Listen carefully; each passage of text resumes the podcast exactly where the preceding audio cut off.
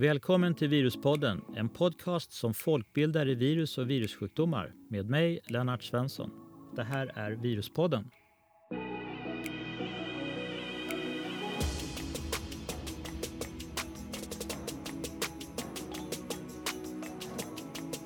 Vi har haft uppehåll under sommaren och är nu tillbaka med aktuella virusämnen under hösten. Vi har inte bara levt med en coronapandemi under lång tid utan har på senare tid även fått flera nya virusutbrott på halsen. Till exempel de akuta leverinflammationerna hos barn, där vi fortfarande inte är säkra på orsaken. Stark virusmisstanke finns dock. Hoppas vi får chans att återkomma till detta viktiga och intressanta utbrott i ett senare avsnitt. Vi har även nåtts av nyheten av ett fall av poliovirusförlamning, även kallad barnförlamning, i New York och påvisning av poliovirus i avloppsvatten. Vi har i tidigare avsnitt talat om poliovirus och svensk framgång med ett inaktiverat poliovirusvaccin. Vi kommer säkert att få återkomma till poliovirus i ett senare avsnitt. Men idag ska vi prata om apkoppor. Men först historien om smittkoppor och hur allt hänger ihop med apkoppor och vacciner och smittkoppor. Ja, Lennart. Eh, härligt att vara tillbaka. Eh, kan du berätta något mer om själva virusfamiljen och viruspartiklarna när vi tänker apkoppor? Eh, vad tillhör de för familj och vilka släktingar har de och hur är de uppbyggda och sådär? Alltså smittkoppor och apkoppor de, de är jättestora virus som har ett hölje på sig och så har de två strängar av DNA. Det här är en rätt så stor familj. Eh, familjen brukar man kalla för ortopox och i den familjen som infekterar människa, men det finns många andra som infekterar bara djur, men som infekterar människa så har vi smittkoppor och den stammen brukar vi kalla för variola. Och så har vi apkoppor och så har vi kokoppor som vi ska prata om. Och den stammen brukar vi kalla för vaccinia. Men sen har vi något som heter orfvirus och molluscum contagiosum, eller mollusker som en del talar om. Orf, för att bara nämna lite grann om det, det är en typisk poxvirusinfektion som drabbar får runt om i världen. Rätt mycket i Sverige. De får sår på munnen och ibland så kan de såren som då innehåller väldigt mycket virus smitta en fårskötare. Och den personen kan då få koppor på händerna som kan vara rätt så stora. Egentligen ingen dödlighet och inte svårt sjuk, men det ser inte så hemskt snyggt ut. Molluscum contagiosum, eller mollusker, är typiskt en poxvirusinfektion som drabbar barn kanske mellan 2 och 5 år. De får blåsor, stora, kan vara en millimeter upp till 10 millimeter. Eh, ofarliga, inte speciellt sjuka, men det är också ett poxvirus. Så vi har en del poxvirus som cirkulerar i Sverige och runt om i världen som inte har med smittkoppor att göra och inte med kokoppor. Men först en liten historisk återblick till smittkoppor, för det är nämligen historien till det här med kokoppor. Och det har att göra med hur man tänker sig de här vaccinerna. Kort så kan man säga att smittkoppor förklarades utrotat i världen 1980. 1976 så slutade vi vaccinera i Sverige. Ehm, det här, ja, det här har ju gått i stora sjok runt om i världen under lång tid. Ja, som du säger så, så är ju smittkoppor känt sedan åtminstone 3000 år tillbaka. Man tror att till exempel att Ramses den femten, farao, dog av smittkoppor år 1143 före Kristus födelse. Och då kan man se på hans mumie då som visar tydliga tecken på smittkoppor i den torkade huden. Då. Men jag vet inte om man har hittat någon arvsmassa, alltså något DNA från smittkoppsvirus i honom. Kanske var han lite väl torkad, lite för torr för att man skulle kunna hitta något virus-DNA i ett så gammalt prov. Alltså jag, jag, vet inte heller om man kunnat isolera något DNA från någon av de här mumierna som då skulle vara smittkoppor. Eh, det kanske man har gjort fast jag inte känner till det. Men jag tänker berätta om historiens första och kanske bästa vaccinuppfinning eller genombrott Och det har att göra med smittkoppor. Det här är slutet på 1700-talet. Det finns en engelsk läkare som heter Edward Jenner. Han eh, härbärgerar ute på landsbygden i England. Och han noterar att en del kvinnor hade koppor på sig när de hade mjölkat kossor. Och då testade han en hypotes på smittkoppsvaccination genom att göra följande. Eh, det var en, en mjölkerska som kallades för Sara Names. Hon hade mjölkat en kossa faktiskt som man känner till namnet på. Blossom hette kossan. Den här kossan hade fullt med koppor på spenarna. Och Sara då, som sannolikt hade små sår på händerna när hon mjölkade den här kossan som hade koppor, blev då smittad av kokopporna och fick utslag på kroppen. Edward Jenner då kom på kanske, om jag tar lite av den här koppan från den här Sara och ger till en ung åttaårig pojke med namn James Phillips. Så James, åtta år, fick lite koppor från Sara som, som Edward Jenner helt enkelt la på huden och hackade lite grann så det kom fram lite blod sådär, så att det tog lite grann. Och så lät han det gå i ungefär sex, åtta veckor. Och sen gav han den här åttaåringen riktigt smittkoppsvirus. Och pojken överlevde och fick nästan inga symptom överhuvudtaget. Det här var det första exemplet på en smittkoppsvaccination och som dessutom har gjort att smittkoppor har blivit helt utrotat för denna planet. Men hur kunde det funka med att ta virus från en ko och göra ett vaccin? Va?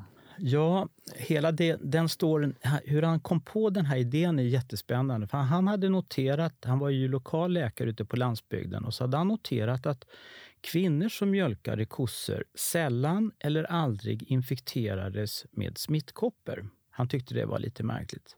Men samtidigt var det så att kossorna hade eh, koppor.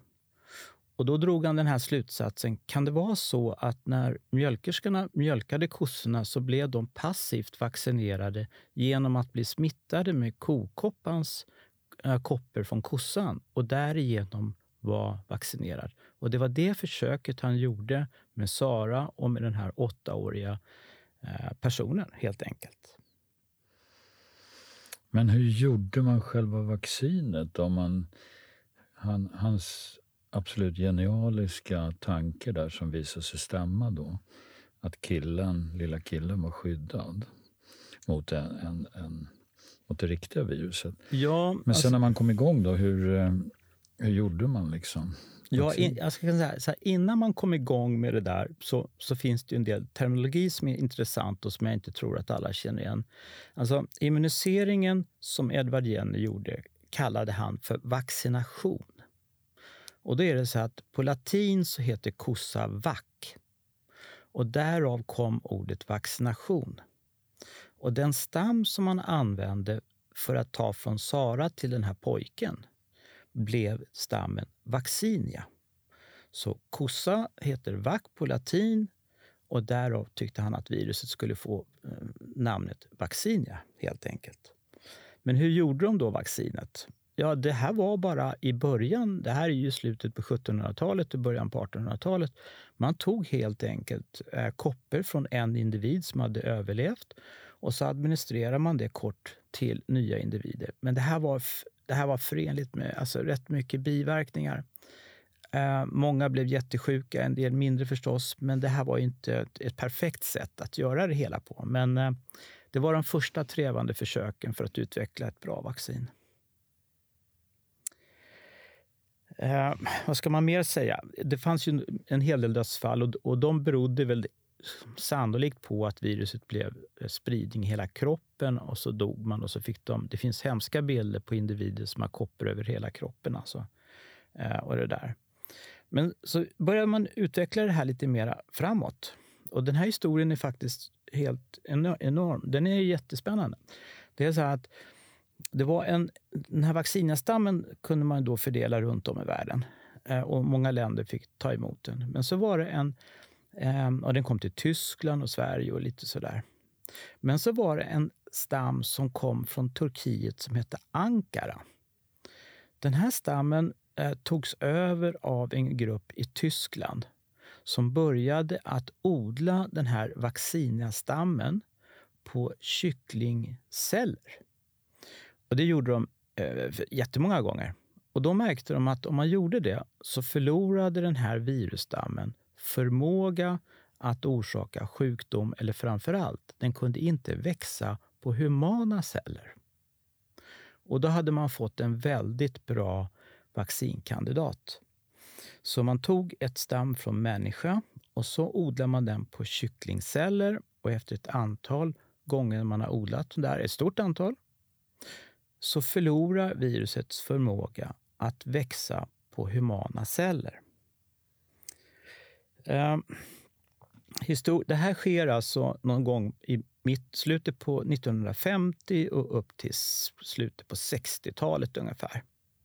Det är den perioden när smittkoppsvaccinerna i världen utvecklas. Parallellt med det här så sker en del spännande saker i Sverige. Min och Åkes tidigare chef, professor Åke Espmark, var den som introducerade odling av virus på ägg i Sverige. Det här gör han tidigt 1960. Han kom på den smarta idén efter att ha varit i USA en längre tid att man går utmärkt att odla virus på befruktade hönsägg. Jag kommer strax till hur man gjorde.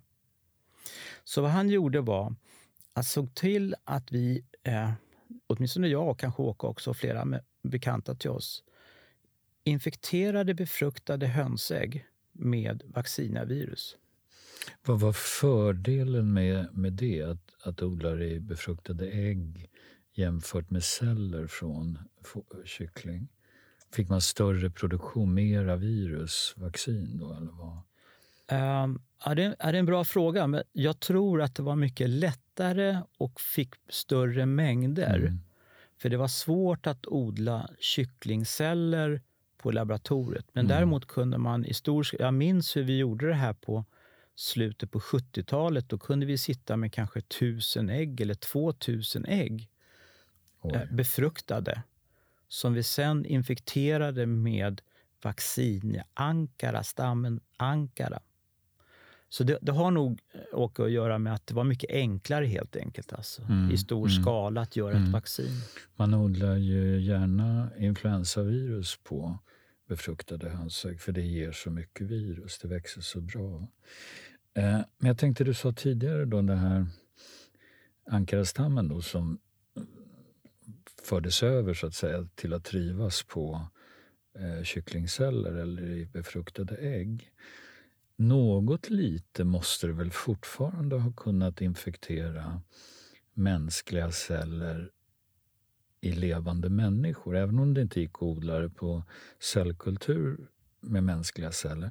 Så en liten koppa blev det ju ändå när vi, vi som har vaccinerats med det här fick vaccinet. Det blev ju en liten koppa som triggade vårt immunsystem väldigt, väldigt bra. Då. Mm. Så lite, lite måste du ha kunnat ta. Va? Det, det, det, kan mycket väl ha varit så, eller så är det så att koppan bara är en, ett svar på en otroligt kraftig inflammation. Men alltså det, det, och det vi vet är ju att det, kopporna innehåller väldigt mycket virus. För mm. Den här typen av diagnostik gjorde jag på 70-talet. Mm. Och Då tog man bara en liten koppa och så undersökte man det med elektronmikroskopi och då hittar man jättemycket virus. Så på något sätt kanske det måste ha blivit ändå, som du säger, en viss virusförökning. För annars skulle de inte haft så mycket virus där. Men du Lennart, vad har det här med apkoppor att göra? Det var det vi skulle prata om. Ja, alltså apkoppsdelen här. Jag kan säga, innan vi kommer till det så kan jag ta historien hur vi gjorde vaccinet. För jag har den där bilden framför mig. Så här gick det till att göra smittkoppsvaccinet på slutet på 70-talet på Statens bakteriologiska laboratorium. Vi får in ett antal eh, befruktade hönsägg i såna vanliga höns, liksom äggkartonger. Eh, man kontrollerar med ljus att de faktiskt är befruktade och inte att de är just befruktade. Då tar man fram en tandläkarborr och så borrar man ett litet hål på ägget. Och så sprutar man in lite virus in i ägget. Och så lägger man på paraffin på det så att det inte kommer in några bakterier. Och så ställer man äggen in i ungefär 37 grader, kanske 35, 36, 37 grader, en 3-4 dagar så att viruset får föröka sig. Tar ut ägget och så öppnar man upp hatten på ett ägget och så suger man ut den här vätskan som finns inuti ägget. Och det är ju hinna där också nu. Den innehåller allt virus och virusproteiner. Och det här eh, centrifugerar man och renar lite grann och sen häller man det här på den, på den tiden i små tunna plastslangar. Kanske en millimeter tjocka bara, eller breda. Eh, och där har vi hela vaccinet. Så när man blev vaccinerad då så pickar man lite på huden med något eh, lite rakbladsliknande material. Eller, jag minns inte, det var någon typ av vasst material i varje fall. Så det kommer fram en liten bloddroppe. Och så klippte man av ungefär en centimeter av den här plastslangen. Så nu innehåller viruset rakt upp och Så tryckte man ut det på den här blodplätten som då fanns på armen, översidan, överarmen. Där hade vi nu smittkoppsvaccinationen i sitt esse. Och efter några dagar så utvecklades det en koppa där helt enkelt. Det var smittkoppsvaccination. Så, så frågan var, vad har det här med apkoppor att göra? Precis. Ja, förutom att de då är ju i samma, till samma virusfamilj så hade man redan på 60-70-talet så hade man ju upptäckt alltså att de som fick apkoppor som då egentligen har sitt ursprung i Afrika, Centralafrika och i Västafrika. I Nigeria och i Kongo huvudsakligen. Eh, de hade på försök fått smittkoppsvaccination och det hade fungerat väldigt bra. Så man misstänkte att de här, eftersom smittkoppor, apkoppor och den här kokopporna är så närbesläktade med varandra så ska den ena kunna skydda mot den andra. Det var liksom tanken man hade. Men kort lite grann om apkopporna. Då. Fram till idag så har vi ungefär 50 000 fall. Ehm, det är typisk zoonosinfektion, det har vi pratat om förut. Den hoppar alltså från, från djur till människa, men nu har vi haft en väldigt stor human humanspridning runt om. Eh, men viruset, precis som det som Åka arbetar med, infekterar huvudsakligen gnagare och, och eh, sorkar och primater. Det är ju där den stora viruspoolen i Afrika finns. När du säger 50 000 fall, är det totalt över lång tid eh, du har räknat då eller är det liksom i modern tid? Ja, det, det, är i modern tid, men jag måste säga att jag kan inte hur lång tid man har räknat, tillbaka. Det här är Nej. över hela jordklotet och majoriteten är ju ändå fortfarande i Afrika. Mm. Eh, är det, helt klart. Eh, men vad man kanske ska säga är att det första fallet på människa det upptäcktes 1970. Det hade, det hade säkert förekommit tidigare i Afrika utan att någon hade liksom brytt sig så mycket om detta. Och det finns ett stort utbrott i Kongo eh, 96-97 med cirka 500 fall. Och I Nigeria var det också ett, ett utbrott på omkring 200 fall med någon procents dödlighet faktiskt. Uh, men okej, okay. du säger att det finns då hos apor och gnagare till exempel. Men hur, hur blir människor smittade? Hur överförs det från något djur till en människa och sen kanske från människa till människa? Hur, Ja, det klassiska för smittkoppor är annars det är en typ av droppsmitta och direktkontakt. Att man kommer i direktkontakt med själva kopporna eller med droppsmitta. Men nu med det här utbrottet som vi har med apkoppor så Eh, är det, är det klart så att det är den nära fysiska kontakten som är helt avgörande. Eh, och då beror väl det på att man på något sätt kanske har sönder någon koppa på någon person eller så. Så det nära fysisk kontakt är den helt avgörande smittvägen. Det har egentligen ingenting med sexuellt överförd smitta det här, för att den här kan ske ändå bara man har tillräckligt nära fysisk kontakt via blåsorna kanske ska säga att innan april alltså, så hade vi, var den här infektionen apkoppor eh, okänd utanför Afrika. Faktiskt. Ehm, den har säkert förekommit, fast i, i, betydligt begränsad omfattning på den tiden. Och sen varför det blev den här spridningen nu, eh, det, vet inte jag faktiskt. Alltså. Men, men, jag har en historia från eh, 70-talet eller kanske det var i början på 80-talet, jag kommer inte riktigt jag minns. Det var, det var en känd fotograf hur som i Sverige som hade utvecklat koppor. Och den gjorde vi snabbt elektronmikroskopi på och fann att det var eh, poxliknande virus. Personen hade gossat en del med tigrar på något sätt. Hur man gör det vet jag inte, men det var fallet. Och Det visade sig att tigrarna också hade haft koppor. Eh, och då kallade vi det på den tiden, det här är ju nu, kommer ihåg, det här är sent 70-tal, början 80-tal, då, då kallade vi för tigerkoppor, men det var nog inte det. Utan vad det var var att det var nog så att det hade kommit in apkoppor till den här djurparken som på något sätt hade kommit, förts över till tigrarna. Och sen, den här personen hade då blivit smittad av tigrarna och fått koppor. Den blev inte dödlig, inte på det, men det var intressant att notera det här i varje fall. Man kan väl säga att, att från i juli i år så förklarade WHO apkoppor som en nödsituation för folkhälsan av internationellt intresse. Det här händer inte så himla ofta kan vi säga. Det här är andra gången på två år som WHO tar ett steg och rankar apkoppor bland viktiga andra sjukdomar som covid och polio. Så en typ av nödsituation för folkhälsan. Okej, okay, vilka symptom ser man då hos de här eh, människorna som smittas nu och har blivit fler och fler? Ja, alltså vad de får, de får ju förstås utslagen för de är karaktäristiska och det blir som blåser och de innehåller väldigt mycket virus. Så diagnostiken är inte så svår att göra. Lymfkörtlarna svullnar upp, man får feber, man får huvudvärk, muskelsmärta som kan pågå från några dagar upp till två, tre veckor. Eh, det här är väl de stora. Och det, jag ska väl säga att det här är de symptom som uppträder hos normalt immunkompetenta individer. Men skulle man ha någon patient eller någon individ som är immunsvag av någon anledning så kommer nog de här kopporna och virusutbredningen hos den individen att bli betydligt större. Man har alltså mm. alltså svagare förmåga att göra sig av med infektionen. Vet man ungefär hur många som har dött under senare tid och sen det här satte igång då och började uppmärksammas i, under våren? Det, det som WHO har nu, eh, som jag tittade på WHOs lista, så var det 16 000 personer i 70 länder. Och det är väl nu, då avser väl det sen då april när vi såg att de kom utanför eh, eh, Afrika. Då. Mm. Så ungefär 16 000 fall, 70 eh, länder.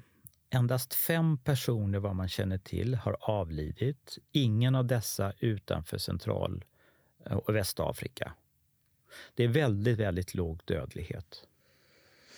Då tänker man ju också kanske, vad, finns det någonting man kan göra för att hjälpa de här patienterna? Finns det någon typ av specifikt, specifik vård eller är det bara att vänta och se? Ja, det, alltså det märkliga, det finns, det, det, finns en variant faktiskt. Och det är att om man vet att man har blivit, vi kommer att tala lite grann om det om vaccinet senare, men om man vet att man har blivit exponerad idag, då kan man inom fyra dagar få ta ett apkoppsvaccin. De är bra de som finns. Och då kommer det sannolikt att hindra att man blir sjuk. Om det går mer än fyra dagar, kanske mellan fyra och tio dagar efter att man har exponerats för viruset, då, då kommer man att få symptomlindring. Men man kommer inte kunna bli hindrad från att bli infekterad. Det här är den andra virusinfektionen som jag känner till där man kan vaccinera sig efter att man har blivit exponerad för ett virus. Den andra är rabies. Det har varit känt sedan länge. Men det går också här. Men det här förutsätter ju då förstås att man vet när man kommer i kontakt med viruset, för mm. annars spricker det ju. Liksom. Ofta för rabies har man ju lite mer tid på sig också. Det, det växer ju så väldigt långsamt, särskilt om man blir biten långt ifrån eh, hjärnan, typ i en fot eller så där, så kan man ju ha veckor på sig mm. innan man måste ha fått i sig vaccin. Mm. Ja, ja, precis. Och där gör man ju också en kombination ofta med immunglobulin eh, alltså antikroppar mot rabies för liksom både hängslen och livrem. Eh, men vilka, vilket eller vilka vaccin finns då idag mot apkoppor? Eh, det finns eh, i och med att man sa att smittkopporna skulle vara utrotade, eh, och jag kan väl nämna varför eh, det är utrotat smittkoppor och varför blev det utrotat. Det här har lite bäring på coronavirus där man har missuppfattat en del i media. Alltså, smittkoppor kunde utrotas därför att infektionen bara gick på människa och vi hade ett effektivt vaccin. Det är en förutsättning för detta. Vi har två andra som skulle kunna fungera och gå till hållet. Det är polio och mässling. Så det är det ena. Det andra, att vi har vacciner nu eh, och det betyder när vi utrotade det där på 1980 och vi sa att vi har gjort oss av med det så försvann intresset för att utveckla vaccin helt enkelt. Men det, var, det är ett företag som levererar idag som gör bra vacciner. Eh, ett danskt företag. Ehm, och då uppstår den här diskussionen, vem ska man vaccinera och hur och så där. Liksom. Ja, det, i runda slängar. Då. Eh, men det har också förekommit en del missinformation i media angående det här vaccinet. Det här är ett, det här är ett levande... Jag kan väl ta vaccinet först. då. Det vaccinet som vi kommer att använda i Sverige, om vi nu ska använda, det heter Imvanex och görs av ett företag som, som heter eh, Bevarian. Och de använder sig alltså av den här ankarastammen som bara förmår att växa på chicken, kycklingceller och som då inte kan, eller extremt svagt, kan växa på humana celler. Det är ett levande men, be, men begränsat så tillvida att det inte kan växa på humana celler. Det är det vaccinet som vi har. Och då, då är det ju förstås ett levande per se, det här vaccinet. Men vi har ju andra levande eh, vacciner också. Och det är ju mässling, påssjuka, röda hund, och rotavirus, och gula febern och vattkoppsvirus. Men hur kunde det bli så att det förlorade sin egenskap då, att växa på mänskliga celler? Alltså den exakta mekanismen för detta, det vet man inte. Det enda vi vet är att av många av de, flertalet faktiskt, mänskliga vacciner vi har är levande försvagade och de har alla odlats på cellkulturer på laboratoriet. Och när man gör det så förlorar viruset sin förmåga att orsaka sjukdom på människa. Och I fallet smittkopps eller vaccinastammen så förlorar det till och med förmågan att växa ordentligt. Mm. Men vet man hur bra eh, ett smittkoppsvaccin vaccin då hjälper mot apkopporna? Har man några siffror på det? Ja, det är en bra fråga. Man, man går lite på gamla data från början på 2000-talet och då hade man ju använt det här vaccinet, smittkoppsvaccinet då, på apkoppor och haft ett skydd på ungefär 85 procent. Och, och det, det är lite av det man går på nu också. Man, man utgår ifrån att man kommer att ha väldigt bra skydd. Eh, och det man har tänkt sig nu då med Imvav Next, det som då görs av Bevarienföretaget är en tvådoshistoria, alltså två doser. Eh, det som har diskuterats i media har ju varit om individer... Kom ihåg att, att vi slutade vaccinera 1976, eller vi säger 1980, så personer födda efter 1980 har inte blivit vaccinerade mot smittkoppor någonstans. Så de är ju helt naiva för denna infektion alltså i princip mottagliga för. De som är födda före 1980 och de har då sannolikt blivit vaccinerade. Frågan är, hjälper, skyddar det vaccinet du fick 1976 om du skulle bli exponerad mot apkoppor idag? Det vet vi inte. Har du sett några studier där man har tagit prover från lite mer mognare människor som du och jag som har fått det där. Om det fortfarande finns kvar någonting. Dels mot eh, smittkoppor, men det leker vi inte med så gärna längre. Så att, men har äldre människor, det vill säga smittkoppsvaccinerade sedan lång tid tillbaka när de var barn, har de något kvarvarande skydd mot apkoppor? Ja det, ja, det är en jättebra fråga. Och det är så att ett flertal studier, nu har ju sen våren så har man ju många länder har börjat titta på detta. Och, och, i många rapporter så hittar man ju ett antikroppssvar. Men det betyder ju inte på något sätt att man är skyddad bara för att man kan påvisa en viss mängd antikroppar. Mm. det är ju en jätteskillnad mellan detta. Va? Så svaret på frågan är om om jag skulle, jag har blivit vaccinerad med smittkoppor som du också, eh, Åke. Jag skulle inte frivilligt vilja utsätta mig för apkoppor idag i tron om att mitt skydd från 70-talet skulle vara intakt och starkt. Det tror inte jag. Nej. Utan jag skulle helst då vilja haft en vaccindos emellan. Du menar 1970-talet? Ja, 1970-talet. Alltså. Ja, 1970-talet. Alltså, jag tror inte det räcker. Alltså. Jag tror att vi skulle bli sjuka. Alltså. Men det är gissning. Jag vet inte. Nej. Skulle du det? Du. Jag tänker som du, nej.